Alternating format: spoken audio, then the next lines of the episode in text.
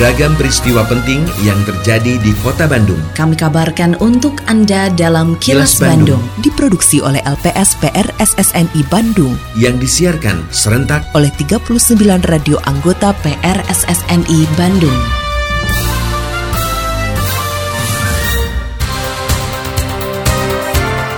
Sejumlah informasi aktual kami hadirkan untuk Anda dan inilah informasi utamanya. Orang Sunda diminta tidak mudah terpancing konflik. Program televisi desa jadi upaya penyebaran informasi di pedesaan. Skuadron udara dari Jakarta sudah bergabung di Lanut Hussein Sastra Negara. Saya Ita Ratna inilah kilas Bandung selengkapnya.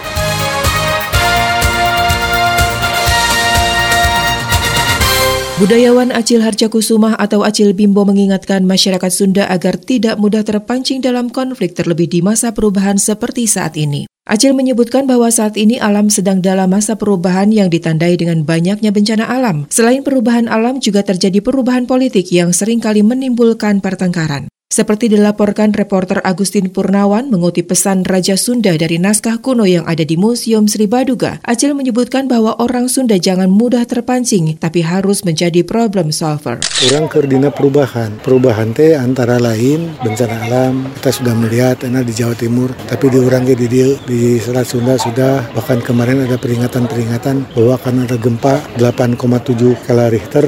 Banyak orang rek cici. Nah, itu pertemuan-pertemuan kita orang teruskan. Jadi kita dalam kebersamaan menghadapi masalah-masalah yang kita hadapi. Anu kedua, bisi ku bisi rek asupa 2024 loba pipa seaeun. Urang di dieu silaturahmi tong pipilueun pasea. Eta mah aya di kolot-kolot baheula. Ke lamun eta tong pipilueun pasea. Malah eta mahanana kulantaran pancen maraneh kudu beberes. Eta tadi saya teh ningali dina ieu dina tulisan di Museum Sri Baduga.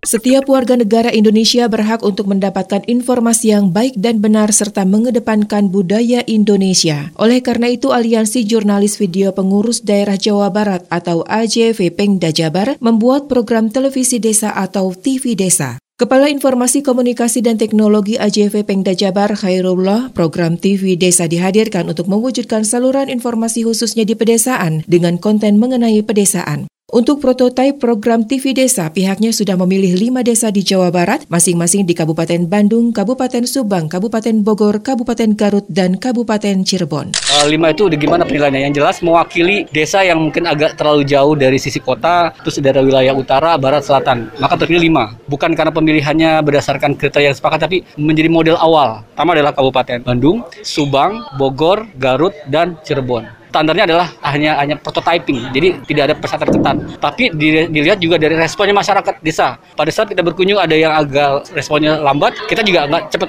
Tapi lima ini adalah mereka yang merespon cepat dan antusias dari sekdesnya, BUMD-nya, sampai dengan masyarakat Karangtoro anak mudanya respon dalam acara aula itu. Sudah, mereka terpilih. Ketika mereka nggak merespon, kami juga akan tidak memaksakan. Jadi syaratnya itu yang kami lakukan bersama dengan AJV, KPD, dan Dudi dari BDS. Dewan Perwakilan Rakyat Daerah Jawa Barat atau DPRD Jabar mendukung program televisi desa yang dijalankan oleh Aliansi Jurnalis Video Pengurus Daerah Jawa Barat atau AJV Pengda Jabar sebagai upaya meningkatkan kreativitas masyarakat di pedesaan. Ketua Komisi 1 DPRD Jabar Bedi Budiman mengatakan saat ini masyarakat desa terutama generasi mudanya harus melek digital. Keberadaan TV desa diharapkan menjadi solusi karena acara TV desa diselenggarakan oleh desa dan kontennya mengenai desa sehingga masyarakat akan merasa memiliki. Reporter Suparno Hadi Saputro melaporkan menurut Bedi dengan adanya TV desa juga diharapkan mampu mengangkat berbagai budaya yang ada di desa, apalagi desa merupakan sumber peradaban dan kebudayaan manusia. TV desa ini akan menumbuhkan kreativitas di desa, terutama generasi muda yang sangat familiar dengan platform digital. Dan ini pun menjadi sebuah tontonan warga ya di mana warga merasa memiliki. Saya yakin apabila kemudian setiap desa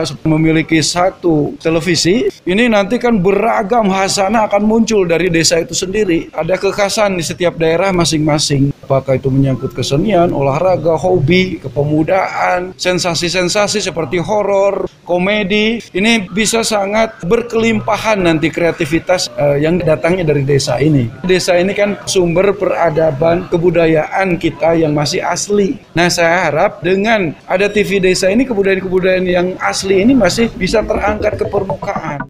Di tahun 2045 mendatang, Republik Indonesia akan genap berusia 100 tahun sehingga harus mempersiapkan dan mendesain generasi satu abad Indonesia. Wakil Ketua MPR RI Ahmad Muzani mengatakan generasi satu abad Republik Indonesia adalah desain yang disiapkan bagi generasi yang berbeda dibanding generasi saat merebut kemerdekaan. Selain itu, mereka akan menjadi bagian dari warga dunia yang terbuka sebagai akibat dari digitalisasi media sosial, sehingga perlu disiapkan untuk memiliki lompatan dari generasi saat ini. Seperti dilaporkan reporter Suparno Hadi Saputro, Ahmad Muzani mengatakan, untuk menghadapi tantangan kondisi tersebut perlu generasi yang memiliki akhlak dan kesadaran tentang konsepsi benar dan salah melalui pendidikan agama, budaya, dan kemasyarakatan. Desainnya adalah kita akan menjadi bagian dari warga dunia, berarti kita harus terbuka karena digitalisasi sosial media nanti akan jauh memiliki lompatan dari yang sekarang ini desain di mana ada ancaman globalisasi, problem lingkungan hidup akan menjadi sesuatu di depan mata, penghormatan terhadap hak asasi manusia akan menjadi tuntutan, akuntabilitas dalam pengelolaan keuangan akan menjadi sesuatu yang bisa diakses oleh siapa pun. Karena itu diperlukan satu generasi yang memiliki akhlak, memiliki kesadaran built-in dalam dirinya tentang mana yang benar, mana yang salah. Karena itu pendidikan akhlak dimulai dari dini dengan pendidikan agama, pendidikan budaya, pendidikan kemasyarakatan supaya kesadaran untuk membedakan kebenaran, kesalahan, sesuatu yang built-in dalam dirinya. Sebagai penyintas COVID-19 pertama di kota Bandung, pernah merasakan bagaimana terpaparnya tubuh oleh virus corona. Jauh dari nyaman, karena nyawa kita sedang terancam. Jadi, jangan sampai hal tersebut Anda alami. Warga Bandung, pandemi COVID-19 belum usai. Mari disiplin menggunakan masker, cuci tangan selalu, jaga jarak, dan hindari kerumunan masih menjadi keniscayaan. Mari kita jalankan pola hidup sehat, makan teratur, istirahat yang cukup, dan berolahragalah. Saya Yana Mulyana, PLT Wali Kota Bandung. Atur nuhun. Iklan layanan masyarakat ini dipersembahkan oleh Dinas Komunikasi dan Informatika Kota Bandung.